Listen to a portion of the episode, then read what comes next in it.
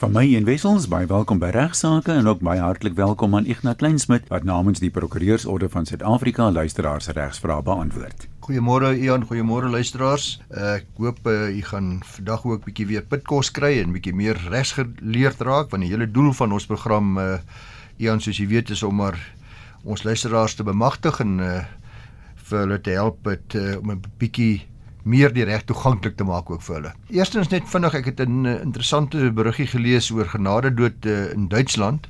Nou by ons het daar 'n uh, redelike pogings om genadedood gemagtig te kry en uh, deurgevoer te kry. Ek het net gelees dat uh, dis hierse organisasie Dignity SA wat nogal die stryd uh, voortsit uh, om genade dood of dan bystand selfmoord in 'n onder sekere gereguleerde basisse uh, gemagtig te kry maar uh, daar het nou pas 'n uh, hofspraak uh, of uitspraak gekom in Duitsland 'n deurslaggewende uitspraak ten gunste van groepe mense wat graag ander wil help om te sterf. Uh die verbod op dienste wat mense help met selfdood sê die regter daar in hierdie saak druis in teen die basiese reg en is nietig en uh die hof het dan nou ook die Duitse regering beveel om nuwe wetgewing op te stel om dan genade dood behoorlik te wettig. Die grondwetlike hof in Duitsland sê in sy uitspraak dat Duitsland se grondwet die reg insluit as jy nou behoorlik lees op 'n selfbepaalde dood, dis nou uh, die vryheid om selfdood te pleeg, dis selfmoord of om hulp by vrywilligers te kry om te sterf. Die hof sê die individu se besluit ten opsigte hiervan moet gerespekteer word en wetgewing moet dit uh, moet dit uh, magtig. Uh, Daar's nog 'n paar ander lande ter wêreld wat al genade dood gewettig is, uh, gewettig het onder sekere baie streng voorwaardes, veral ook dan waar 'n mediese geneesheer, 'n dokter, uh, sekere middels mag toedoen om iemand te laat sterf. Dit maar net interessantheidshalwe. Dan het ek 'n skrywe gekry van uh, sien wat anoniem is. Sy sê sy het advies nodig. Is daar enige regsimplikasies as 'n 6-jarige seentjie beskuldig word dat hy 'n 6-jarige meisie onvanpas gevat het toe hulle uh, nog jonger as 6 jaar was? Daar's geen bewyse dat dit wel gebeur het nie. Die dogtertjie se ma het haar ondervra. Die dogtertjie was baie stout en sy het seker afwykende gedrag getoon. Dit is so sy was saam, die kind was saam met haar by die kliniek, maar die kliniek sê daar was geen tekens van seksuele teistering nie. Hulle het wel vir die ma gesê om haar na teddybeer kliniek te vat om te sien wat die oorsaak van haar snaakse gedrag is. Uh nou wat hierdie ma wil weet is maar net uh wat staan ons te doen as hierdie vrou voortgaan met haar beskuldigings teen my seentjie? en wat kan die komplikasies of die implikasies daarvan wees? Nou uh mevrou, eintlik is daar geen implikasies of komplikasies nie. Dit is duidelik dat daar geen bewyse in hierdie geval hoegenaamd is nie. 'n Dogtertjies uh, wat nou maar net 'n bewering maak. Die kind van 6 jaar op daardie stadium nog jonger as 6 jaar is ontoerekeningsvatbaar. So daar kan geen gevolge wees vir hom of vir of vir u nie as ouer nie. Uh, maar natuurlik as daar enigstens sprake is van die moontlikheid dat u seun sulke afwykende gedrag toon, sal dit goed wees as u ook maar vir hom laat uh, mooi na hom laat kyk en seker maak dat hy nie uh, een of ander onvanpaste gedragsafwykings toon nie. Maar verder wat die reg betref geen komplikasies vir u nie. Dan is daar 'n uh, vraag wat 'n luisteraar vra, ek dit gaan vinnig lees. Uh meneer A was vir baie jare baie goeie kliënt van 'n sekere bank. Hy's 15 maande gelede skielik oorlede. In sy testament is die bank toe as eksekuteur aangestel. Meneer B, die oorledene se broer, is die enigste erfgenaam. Die bank weier toe om die boedel te bereder. Hulle sê daar's nie genoeg fondse in sy bankrekening nie. Nou vra nou kom die vraag, moes die bank nie eers die erfgenaam gekontak het om uit te vind of hy sal instaan vir die kostes verbonde aan die beredering nie? Uh want hulle sê daar's nie genoeg geld vir die beredering nie. Alle besonderhede van bates en laste van die oorledene is wel aan die meester gestuur. Uh die meester het ontvangs erken En nou na 15 maande is daar nog nie weer 'n woord van die meester gehoor nie, so daar gebeur nou niks met hierdie boedel nie. Moet die erfgenaam nou maar net wag totdat die meester hom eendag kontak op wat stel u voor. Dis kom van die lease af. Nou ek dit vir Volker Kreer uh, by van Vellen Duffy die boedelspesialis gegee om te antwoord en hy sê wat die luisteraar se eerste vraag betref, sê ek ook dink dat dit sou sin gemaak het vir die bank om eers die erfgename te kontak om te hoor of hulle bereid is om die kostes te betaal. 'n Mens sou in elk geval kan argumenteer dat dit onbillik van die banke is om nie die boedel te bereder nie.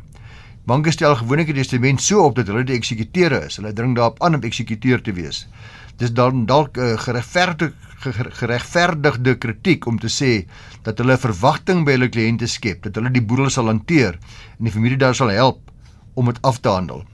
As hulle dan nie bereid is om te doen nie, is dit in die geval gewoonlik van 'n klein boedel, maar natuurlik nou luister as jy moet besef, hulle wil geld maak, uh, die banke, hulle wil nie boedels breder waar daar nie goeie fooie is nie en as gewoonlik wanneer hulle dit weier hulle dan om te doen omdat die fooie nie vir hulle geregverdig is nie. Maar nou sê Volker reg, hy dink banke te plig om dit dalk so aan hulle kliënte behoorlik te verduidelik.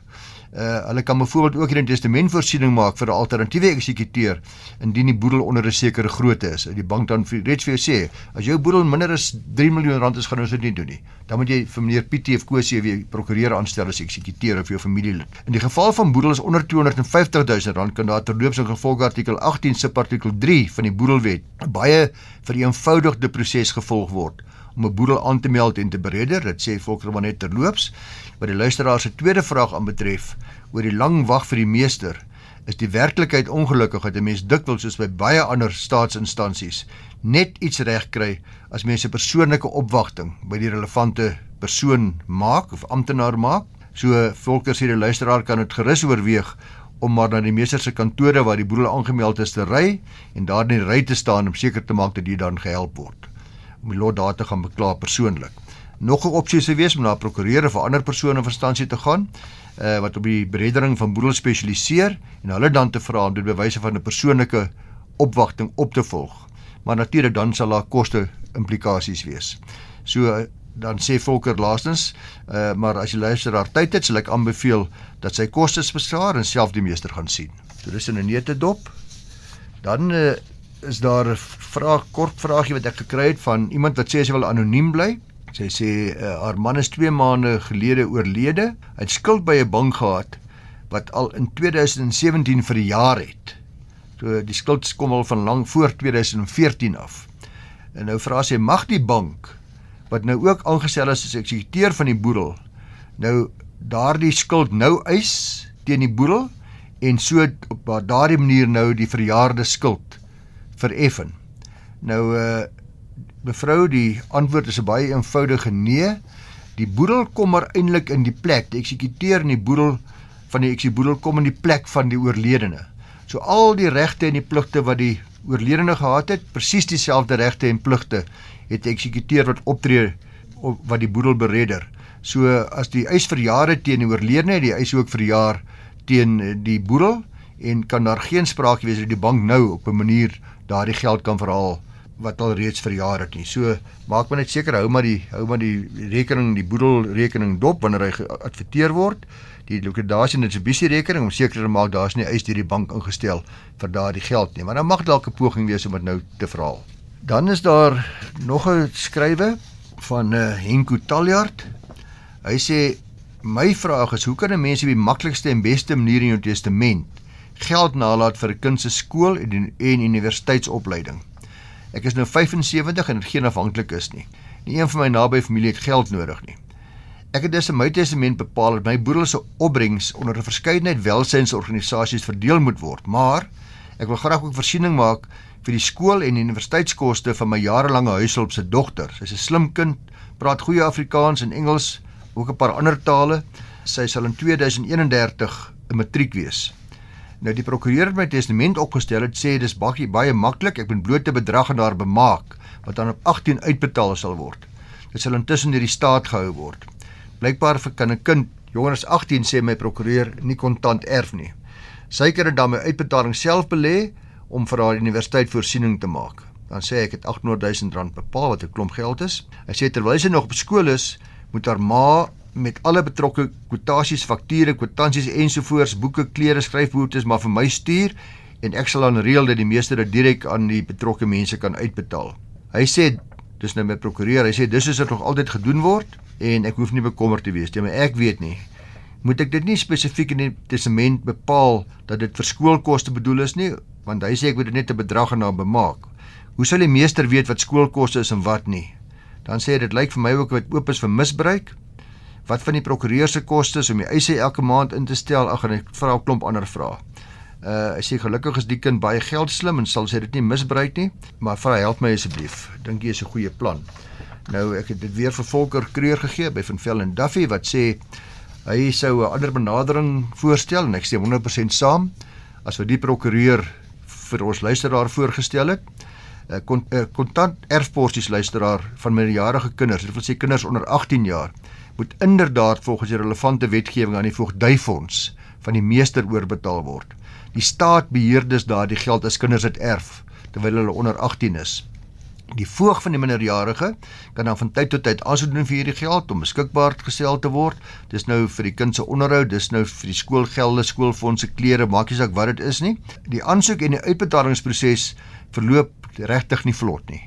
Dit's vol probleempies. Uh en Volker sê heeltemal goeie advies. Hy sou 'n ander opsie voorstel. Ek stem weer eens 100% saam. Ek sien 'n luisteraar adviseer om eerder in sy testament vir die oprig van 'n trust na sy afsterwe voorsiening te maak.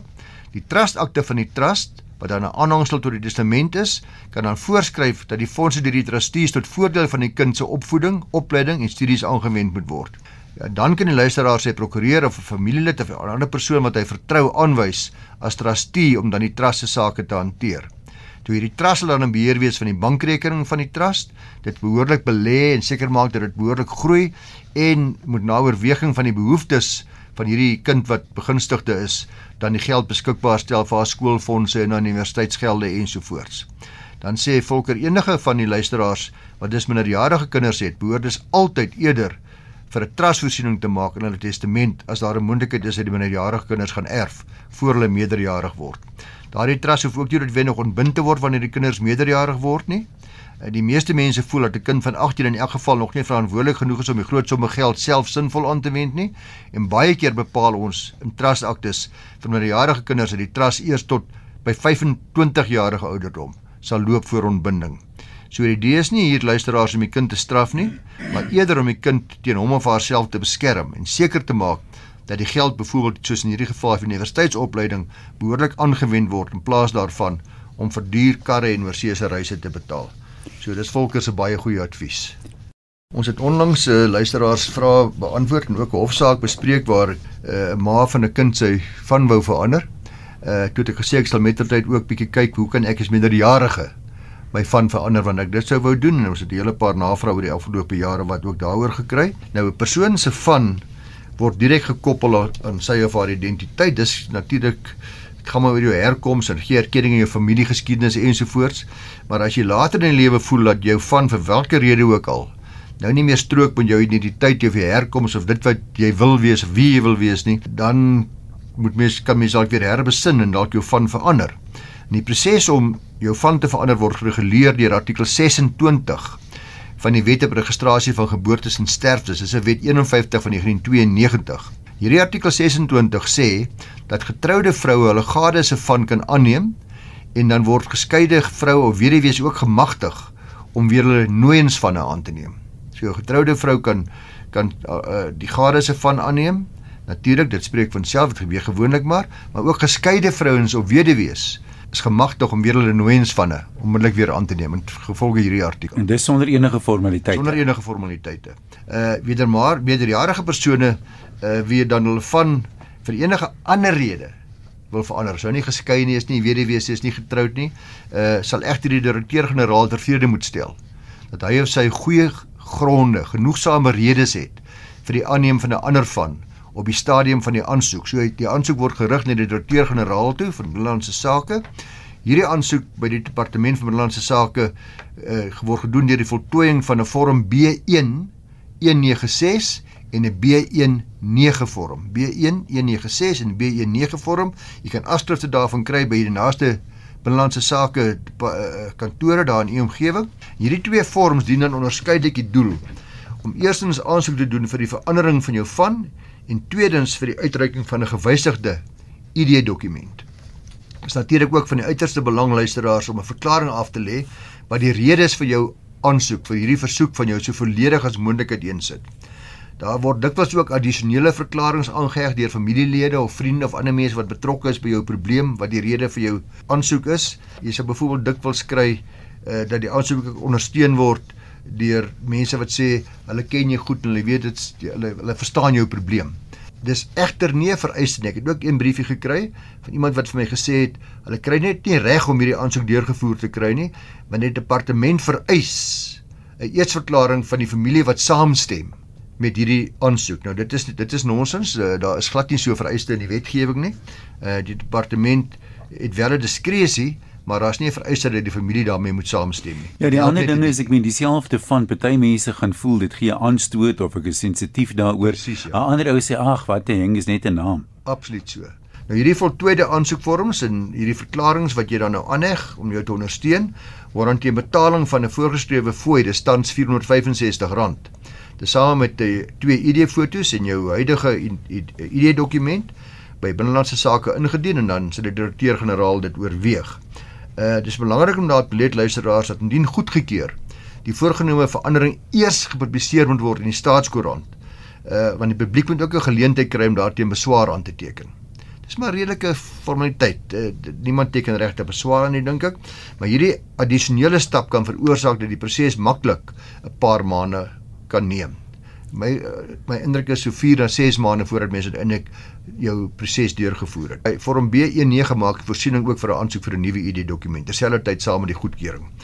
Uh nou alhoewel die dat die proses is uh Uh, is dit so dat die realiteit nie altyd so eenvoudig is nie en indien jy van mening is dat jou aansoek onredelik geweier word alhoewel my indruk is dat die aansoeke oor die algemeen goedgekeur word as jy net 'n redelike versoek ingedien het uh maar as jy voel dis onredelik geweier en dat jy voel dat jy wel genoegsame en goeie redes het kan jy natuurlik oorweeg om 'n hofaansoek te bring teen die departement ten einde hulle te verplig om jou van te laat verander. Hierdie litigasie hou natuurlik koste implikasies vir jou as individu in en dis waarom mense maar wil probeer vermy. So opsommenderwys Daar is 'n proses vir almal wat hulle vanne wil verander. Minderjariges, het ek reeds verduidelik in 'n vorige program, meerderjariges in terme van hierdie proses en as binnelandse sake nie oortuig is nie dan uiteindelik as jy uh, by die hof, maar indien jy bona fide is, is ek feitelik seker dat 99% in hierdie gevalle sal goedgekeur word. Ek, ek dink altyd met die van verandering, was so grappie jare terug van 'n ou wat se naam Jan Bosvark was. En hy voel toe maar die van is daarom nou nie, jy weet, uh. waardig nie. En hy doen aansoek by die hof om sy van te verander en hy verander dit toe na Piet Bosvark toe. ja, 'n tipiese Ian grappie. Mooi. Uh die luisteraar skryf: Ek ken my buurman al vir 17 jaar, ons boer langs mekaar. Ek het hom plus minus 6 maande gelede by ons gesamentlike toegangshek raak geloop. Hy meld toe terloops dat hy wil sy plaas verkoop. Hy wil in Somerset gaan bly sodra hy sy plaas verkoop het. Ek het toe duidelik aan hom gesê ek stel baie belang om die plaas te koop en hy het plegtig beloof dat hy my sal laat weet. Ons het 'n goeie verhouding wat my betref. Sy woorde was en hy sit dit in aanhalingstekens. Jy ken my. My woord is my woord en ek sal nie my plaas verkoop sonder om jou om jou eerste eers kans te gee nie. Ek het gesê baie dankie. 2 dae later toe bel ek hom en ek sê vir watter prys ek vir hom aanbied vir die plaas. 14,8 miljoen rand. Uh hy sê ek wil net eers met my kinders praat en my skoonseun praat en hoor of hulle dalk 'n deel self wil koop. Hy sê toe maar moenie bekommerd wees hy sal my 'n opsie gee vir 2 weke vir daardie prys. Ek sê geen probleem nie. Ek ek vra toe ek wil hy nie iets op skrif hê nie. Hy verfies hom toe effens en hy sê toe weer vir my. Ek het jou mos gesê, my woord is my woord. 'n Paar dae later is hy by sy kinders in sy slaap dood. Hy sê dit is nou so 'n paar dae later, hy sê dit was op 12 Februarie 2020. Eh, daar's nog nie 'n eksekuteur aangestel nie, maar sy oudste seun het my laat weet dat hy die eksekuteur is en die twee seuns nie een van hulle wil die plaas hê nie het my nou genader om te hoor of ek die plaas wil koop. Nou hy sê toe my verduidelik wat hy alles wat het is hom in die in in in die oorledene gebeur het hulle pa gebeur het. En hulle sê toe vir hom nee hulle het nou waardasie gekry hulle wil 18 miljoen rand vir die plaas hê. En uh, sy opsie is niks werd nie. En hulle stuur hulle nie in die opsie nie en hy sê hy vra nou dringend raad. Luisteraar ek sien wat is sy naam ek gaan hom anoniem hanteer. Artikel 21 artikel 2 subartikel 1 dis van die Wette vir Vervreemding van Grond van 1981 maak dit baie duidelik daar 'n geskrewe ooreenkoms moet wees vir die verkoop of koop van onroerende eiendom, vaste eiendom, grond. Jy kan dit nie doen anders as op skrif nie. Maar die vraag is nou met ander woorde, wat nou van 'n opsie om 'n eiendom te koop? Moet dit ook op skrif wees? Of in die aanvaarding daarvan of is dit nie nodig om op skrif te wees nie? Want onthou nou hierdie opsie verhoed natuurlik die verlener om die die die verkoper om die eiendom aan enige ander party aan te bied of te verkoop voor hy nie binne daai opsie tydperk vir jou die geleentheid gegee het om teen die opsie bedrag die eiendom te koop nie. Uh, dis dis eintlik maar alleen reg vir 'n sekere tyd om sekere voorwaardes te koop. En die vraag is moet dit op skrif wees of nie? Nou ons howe moes al baie 'n paar keer hieroor beslis het. Hulle onlangs weer was daar 'n hofsaak gewees waar die hof net dit weer mooi uiteengesit het dat 'n opsie om te koop het twee dele. Eerstens 'n aanbod om te koop. Dis nou die beoogde kooperinkoms en dan is daar 'n tweede deel die onderneming om die aanbod oop te hou normaalweg vir 'n paar weke of 30 dae wat ek nogal vir 'n sekere tyd. Dis eintlik die aanvaarding van die opsie. Nou die hof sê dat om 'n opsie te verleen kom nie neer op die verkoop van die eiendom nie. En oor om te sê ek gee jou 'n opsie is nog nie die verkoop van 'n eiendom soos voorsien in die wet nie en word daarvolgens dan nie vereis om op skrif te wees nie.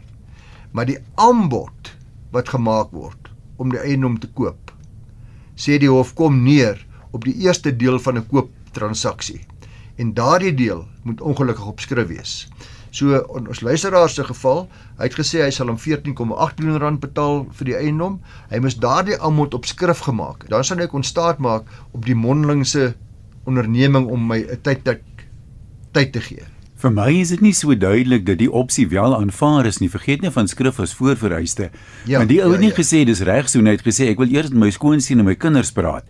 So ek weet nie of dit of 'n mens daai kan aflei dat hy sou dit aanvaar het. Dit nou nie eers hierdie spesifieke feite so ontleed jy, maar ja, 100% ja. reg. Maar op die veronderstelling dat daar wel 'n opsie gegee was, liewer 'n aanbod gemaak so van 14,8 miljoen rand en die buurman het gesê my woord is my woord. Eers met die tweede gesprek, jy sê, weet jy wat, ek wil dan net my kinders hoor. Wat sê hmm. hulle? My skoonseun of hy nie wil ook saam met jou koop nie. Maar goed. Hoeveel inligting moet um, sê jy doen mondelings nou 'n opsie? Ja. Watse inligting moet daarin wees? Koopprys uiteraard, ja. maar is daar nog Ons praat van, van die detail van die kontrak. Die essensialia van 'n koopooreenkoms. Uh essensialia van 'n koopooreenkoms op vaste grond is byvoorbeeld die partye moet geïdentifiseer wees, die eiendom moet behoorlik geïdentifiseer wees soos hierso, die koopprys moet geïdentifiseer wees, die betaling daarvan. So daar moet genoeg inligting wees om as dit bymekaar gesit is 'n transaksie daar te stel. Jy kan byvoorbeeld nie sê teen 'n prys waarop ons gaan ooreenkom nie. So ja. opsie beteken niks nie. Jy kan wel sê teen 'n prys waarop ons gaan ooreenkom by gebreke waarvan ons die volgende formule gaan bepaal. Ons gaan die laas die drie plase vat in die omgewing en 'n waardeerder aanstel dat hy dan vir ons sê wat die prys per hektaar is. Dan met ander woorde is daar weer 'n bepaalbare prys as jy verstaan wat ek bedoel. Ek hoor ja. Uh dan kan mens weer sê dis 'n opsie wat uh, uitvoerbaar is. So luisteraar in hierdie geval jammer vir u, die kinders is reg. U sê moet besluit of jy die plaas wil koop vir 18 miljoen rand al dan nie maar uh, hulle is beslis nie gebonde aan die gesprekke wat u gehad het oor die 14,8 miljoen rand nie en vir almal wat luister vandag as u in so 'n situasie is gaan sien maar dadelik u prokureur maak seker dat hierdie opsie behoorlik op skrif gestel word dat daar nie twyfel kan wees uh, oor die oor die inkomste nie ag wat is 3.2 miljoen tussen vriende Dis vandag se regsaake. Jy kan jou vrae vir beantwoording direk vir Ignas stuur. Ignas by 44d.co.za. Volgende maandag gesels ons weer.